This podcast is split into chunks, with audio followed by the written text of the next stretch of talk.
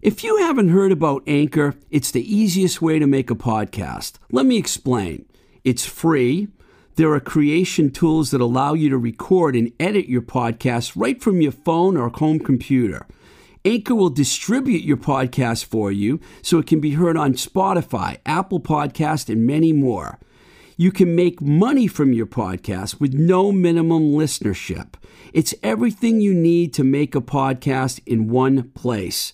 Download the free Anchor app or go to anchor.fm to get started.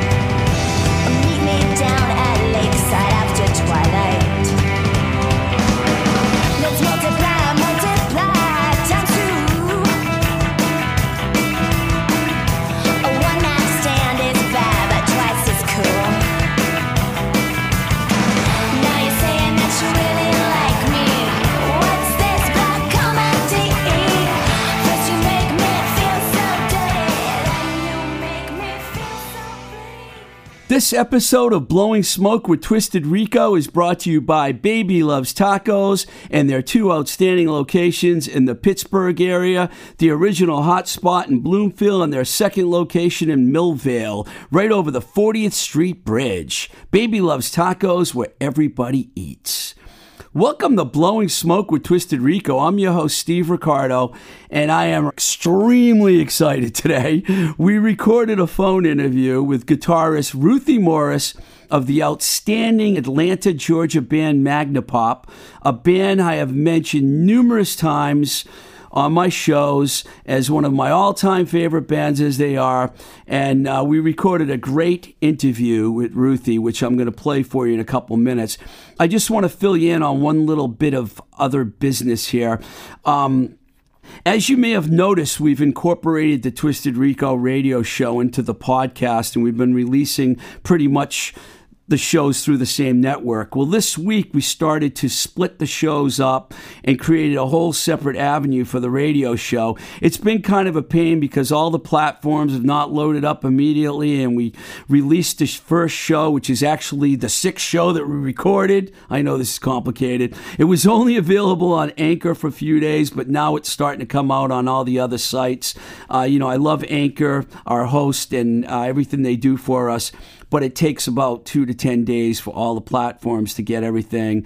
And uh, people were going on and trying to play it on Spotify and blah, blah, blah. It wasn't working and iTunes. But now, by the time you hear this, it'll all be available everywhere. so uh, we finally got that sorted out. Um, I'm going to play you a song right now from Magnapop before we bring Ruthie's before we play you Ruthie's interview. This is from the brilliant Rubbing Doesn't Help album. This is the song Open the Door.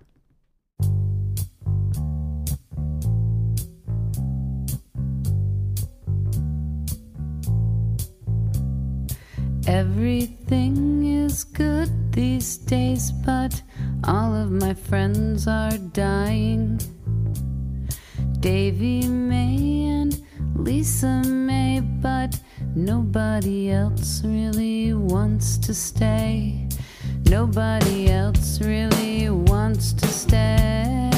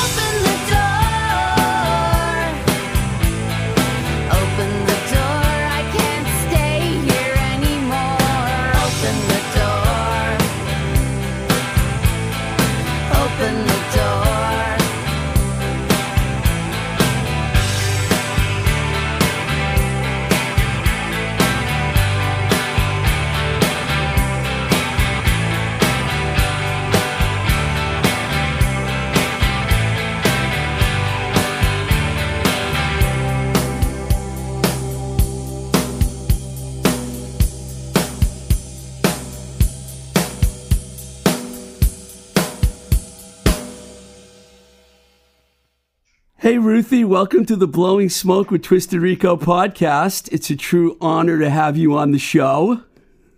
Oh, thank you for saying that. I'm glad to be here.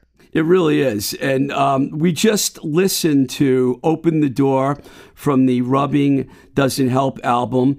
And let me tell you, uh, with the amazing body of work that Magnapop has, it was not easy picking out a song from that album or any of their albums for that matter. So we could have gone in a number of directions. Um, before we get into music, I have to ask you this because I know you're down in Atlanta. What can you tell my listeners what it's been like dealing with all the chaos that has ensued in the last year, and also the way Georgia has seemed to like literally flip in the last year as well? I mean, can you talk about the pandemic and everything that's been going on, how you've been dealing with it? Absolutely. I work in a hospital, so I've dealt with the pandemic from the beginning. Um, it, it's been crazy because at first there wasn't even really testing, you know, so that was the first big hurdle. Um, but it's, we were shut down for a little while, but we have the governor that wanted to open first. So that was also very scary. We're Yeah. not Florida quite, but um, our governor wanted everything open as soon as possible. And, you know, and parts of it makes sense. As far as the election goes, um, this is a state that has always been red, always Republican, and Stacey Abrams is somebody that Love her. motivated people to come out and vote. Yep. I think also mail-in voting is what did it for Georgia as well. Um, just because that was what I think that's what took home everything. The, the voting wasn't by the um, the machines, I guess is how you say it, and so it was less manipulative. People could ma- manipulate it like they maybe have in the past. Yeah, every it, first of all, I didn't know that you were in the you worked in the hospital. That's amazing. So I thank you for that. I had no idea. You know, to me, you're just a rock star that I love. You know, but Oh, it- thank it- you. Well, that's who I feel like. I'm not a rock star, but I definitely associate life through a musician's eyes. But yeah, and and as far as Kemp goes, we're very aware of him. We don't have to get too much into politics, but I have a brother and his whole family and a nephew that live in Alpharetta, so I go down there a lot. Plus, some people I worked with in the music industry. I don't know if you know Al Marks. I worked with him for years. He worked for A and M Records. I don't. He lives I in don't. he lives in Alpharetta too. So I was like, when they flipped that area, I was pretty happy. But then when Stacey Abrams got robbed when she ran for governor, I was like, thankfully she decided she was going to fix things, and she did. Well, there was a fox in the hen house for her election. I mean, Brian Kemp was the head of the elections. I mean, there was just no way. Yeah, She supposedly is going to run again, and I hope she does. Me too. I think a lot of people do. We love her. But um, let's get into some music. I, I, I told you before we get on that I first saw you guys at the Midtown Music Festival uh, in, in Atlanta, downtown Atlanta. One of the best festivals. I- I've gone so many times. I just love the way they do it. It's fantastic. Yeah. And I was down. agree. Yeah, I was down there just checking out bands when I was working for A and M, and then someone mentioned to me, "You got to check out Magnapop." I can't remember what year it was. It could be ninety or ninety-one. Uh, from that point, I saw you guys. When I saw you guys live, I literally fell in love with the band and I bought just, you know, just about every release. The first three albums in my mind are masterpieces. Although when I heard the record you made in 2019 recently, I was like, wow, these guys are still great, you know? Uh, but here's an interesting thing I want, and I'm going to I want you to like kind of tell us about a little bit. Some bands work with the same producers a lot, but Magnapop chose to use three different producers on their first three records. Michael Stipe Yep. from REM co-produced the first self-titled album, which had some great songs on it like Garden, Favorite Writer, Mary, and a cool Big Star cover of 13, by the way. And then, Oh, thanks. then Bob Mould from Husker Du Sugar recorded your second album, Hot Boxing, which had more great songs, Slowly, Slowly, uh, Lay It Down. And then on the third record, you went to Geza X for Rubbing Yes. Doesn't Help. This is a pretty expansive question, but can you talk about those early days and what the mindset of the band was and how you came to those decisions to have three different producers on th- on your first three records? Well, for uh, us, it, Michael Stipe came up to us after our first show in Athens and asked if he could produce us. That he was producing some bands and he wanted to produce some songs. And you know, that me was just unbelievable. And uh, so to have your first show, it was no question. Yes, yes, you could produce us. Yes. And he just took great care of us. Linda and I stayed at his house while we were recording. He Wow. paid for everything. Yeah, he just, I couldn't say enough great things about Mike. And being in the studio and just working with him, um, he's kind of like a cheerleader in the studio. He's like, he's dancing with you in the other room. You're watching him. He's definitely, you know, went over lyrics with Linda. Are you sure you want to say this kind of thing? So that, it just was all very positive. And through that recording, we got a record deal. Um, when we played uh, the new music seminar in Atlanta, no, sorry, in New York, and um, well, I'll just be quick about that. When we played the new music seminar, somebody came up after our set. Um, two people came up to me while I was putting my things away, and because we weren't really networky kind of people.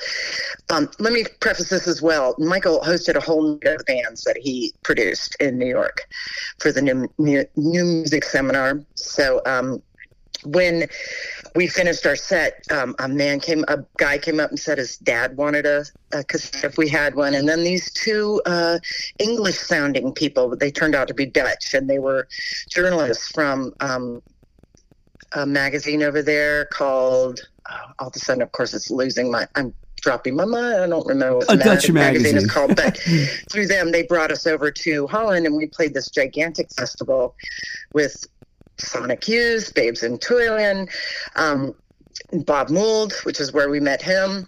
Nirvana played it, Smashing Pumpkins. I mean, it was just unbelievable to us that we were there.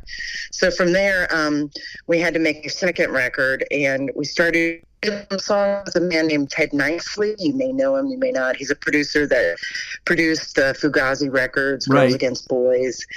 Um, but our, our, the label, unfortunately, this was our first taste of, oh, they don't think it sounds commercial enough, his production, which, you know, that'll, they're not going to put it out. So the next thing we were talking about it, and Kevin O'Neill, who was Bob's manager, a good friend of Linda's, and he's like, I'm going to do it.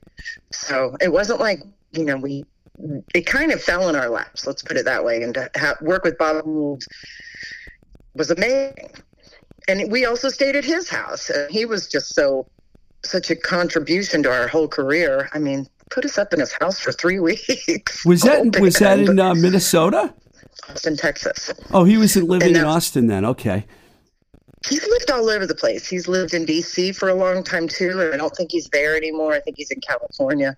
Bob moves around, but um, yeah. So he produced that. We did a video on Willie Nelson's ranch. He has a a sound stage, so we, that was pretty cool. And and then from Geza X, we needed it. This time, we our A and R person suggested him, and uh, it just made sense. It did. And working with Gaza was a trip. The stories, you know, because he's from the very early punk scene of Yes. LA. Wow, that's amazing. That you, I don't know where to, I don't know how to st- where to start. I mean, Michael Stipe, that's really cool. Bob Mould, I mean, that's really cool. I met him once actually at, at a club in New Jersey, Maxwell's, when he was. I was working with this band Dag Nasty, and he showed up, and I talked. I talked to him for a while. them. It, Bob was a is a really nice guy. He was uh, he was there with the owner Maxwell's. They were together at the time, and I remember having a great conversation with him.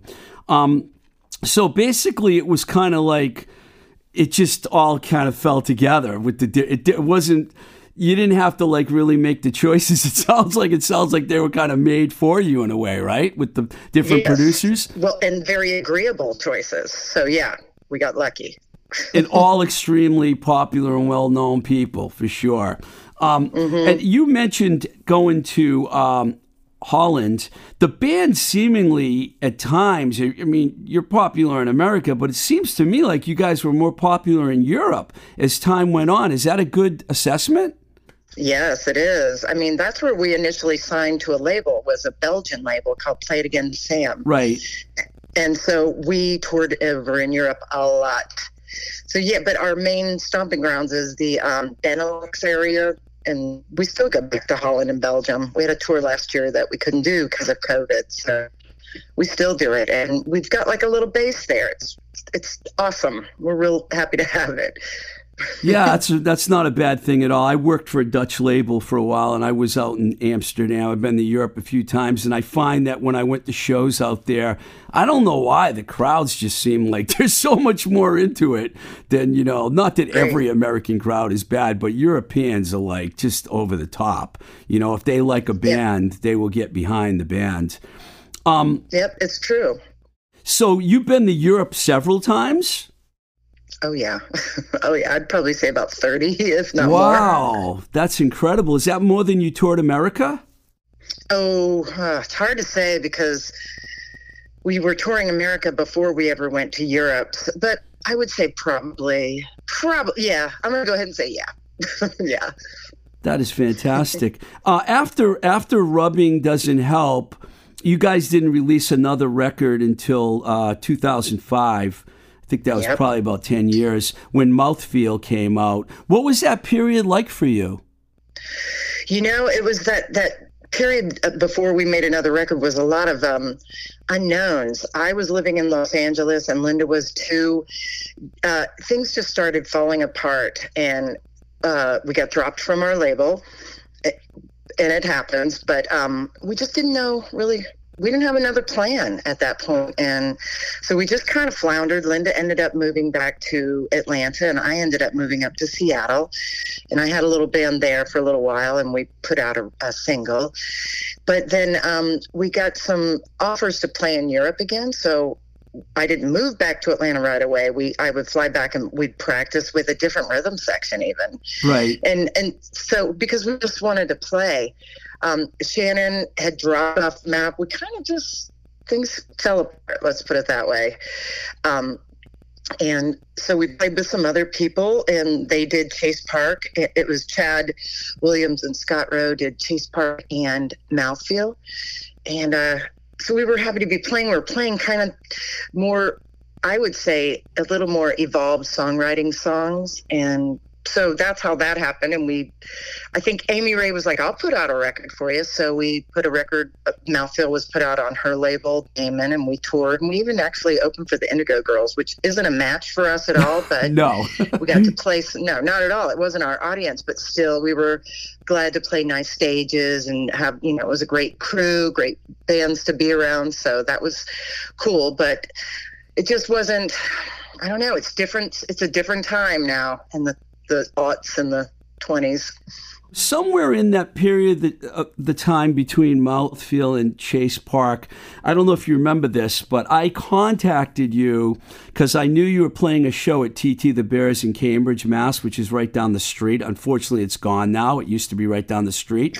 And the oh, band, oh, that- gone. a band I was working with, The Charms, was going to open for you. We had posters and everything, and the show got snowed out because you guys were like in New Jersey and you got stuck in a snowstorm. And all I have from that show is the poster, unfortunately. I was. I remember that. TT's was a great place to play. Yeah. I remember it. I remember that show being so too. Yeah. Yeah, that was a bummer. Um, but you know, Totally. shit, shit happens. You know. Um, Yeah. So in 2009, you put out Chase Park, and I read somewhere that you personally were affected by some sort of a natural disaster, and you lost just almost everything you own. That must have been horrible. It was a flood. Yeah, there was a flood in Atlanta, and um, the basement where I had all my recording equipment, all my archival stuff that we'd ever had, all that stuff was um, under five feet of water. I heard Oh. it bobbing around, yeah, in the basement. So yeah, my the the stuff in the house was okay, but all my gear, all my vinyl.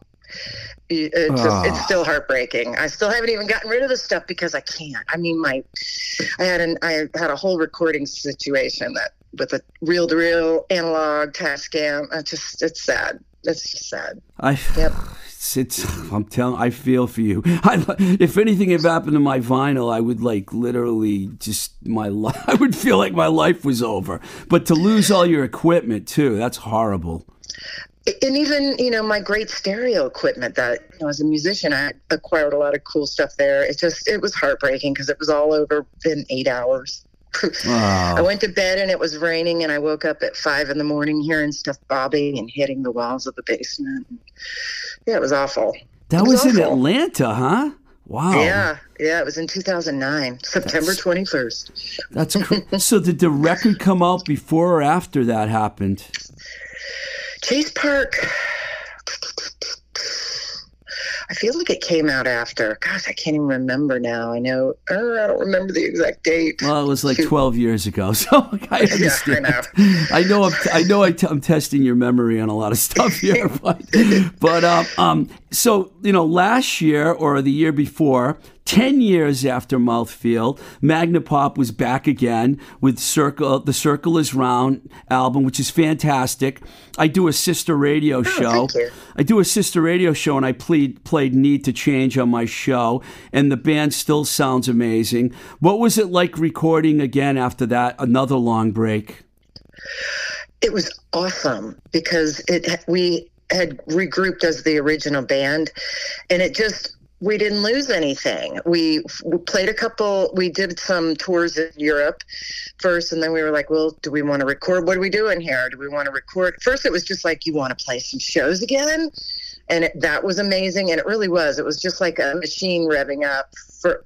If, if, if you've ever played in a band or anybody that's listening that has played in a band and you, and it was a band that you had chemistry with when you go back it's still there. It's not like it goes away. Right. so that was amazing. And you know on all the all the water now has uh, passed under the bridge where there's no hard feelings about anything that went went on when we were all uh, working together. So it, it was awesome.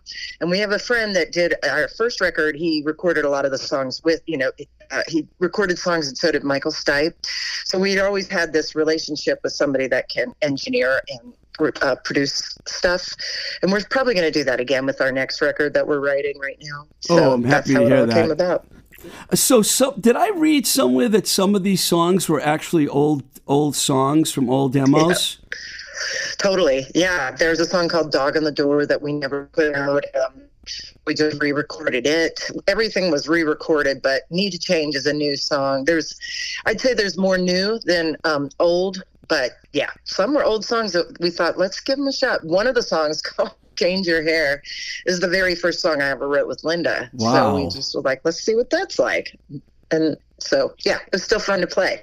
It's cool. That, this is a good segue because you and Linda Hopper um, have been together since like 1989 is when you guys, I guess, started Yeah. your songwriting team. Uh, how would you describe your relationship as bandmates and a songwriting team? Because everyone knows you guys seem to be like, you know, you're Magnapop, you know, and, and it's like you guys have always been together. You know, we the very first day I met Linda, we wrote that song "Change Your Hair." So um, it just that doesn't happen, and I think we both recognize that. Um, I moved up to Atlanta in '88, and I didn't meet Linda until '89. But when we did start writing, it was pretty immediate. And we have a really good system of how we do it. In fact, when I finish with you, I'm going to go over to her house and we're going to work on some songs. But um, we do everything with recording. So um, we record it first. I'll, I'll give her music and then we talk about it or whatever. And then she takes it and, and listens to it and does her thing to it. So, and we've even been able to do that uh, uh, by mail. We uh, did it in Seattle with another group. It wasn't a, it wasn't what we were calling Magnapop, but we were able to do songs like that and then record with Conrad Uno at Egg Studios and do some songs. So it's just been the way we've done it for a long time. Did you you said when you moved to Atlanta? I, I don't know why I thought the band was from Athens, but you guys weren't originally from Athens. You've always been an Atlanta band, pretty much, right? We have lived in Athens, so you're not wrong. We started in Atlanta, and Linda and I and David, we all moved to Athens. So for a while there, we had an Athens PO box, and that's where we, you know, got our any kind of mail. So it is kind of both, to be honest with you. Where were you from originally before you moved to Georgia? Did, was it from in? Were you in Georgia and just lived in the burbs or something? Uh, no, I'm from Florida originally. I'm Oh. from South Florida. Wow, wow! What know. made you go to Atlanta? because it was the next city north of Florida, to be honest with you. I wanted out of Florida.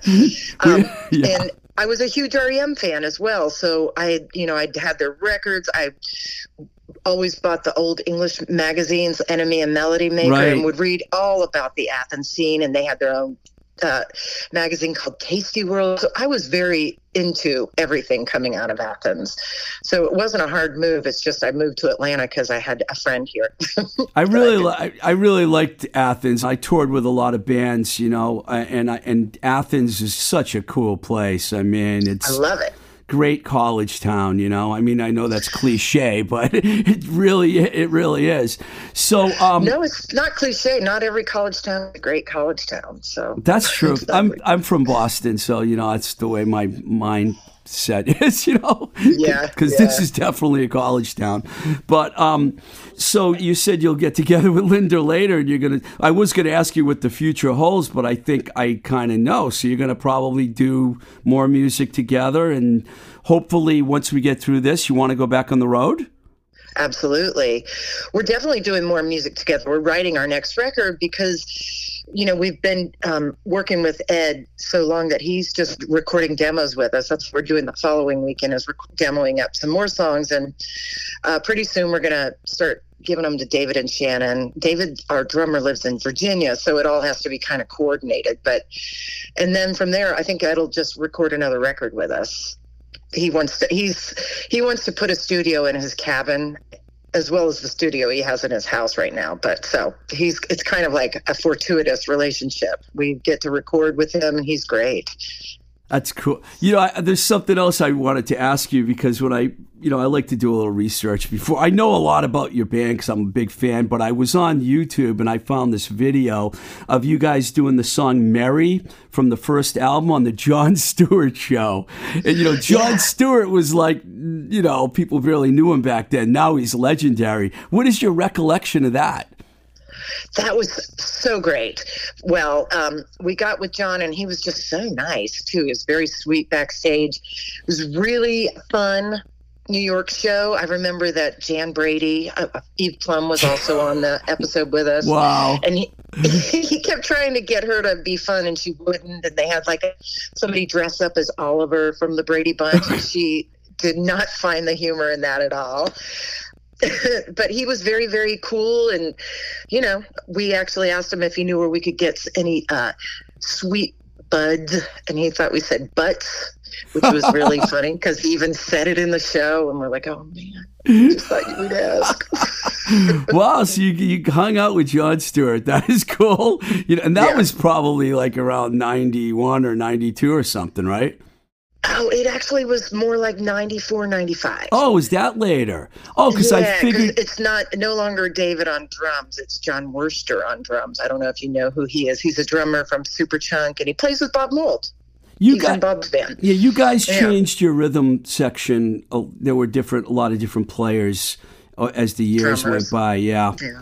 Drummers, drummers. Yeah. It's always the drummers. My, I shouldn't be say that. The the guy that's recording the show right now is a drummer. Sorry, Nick.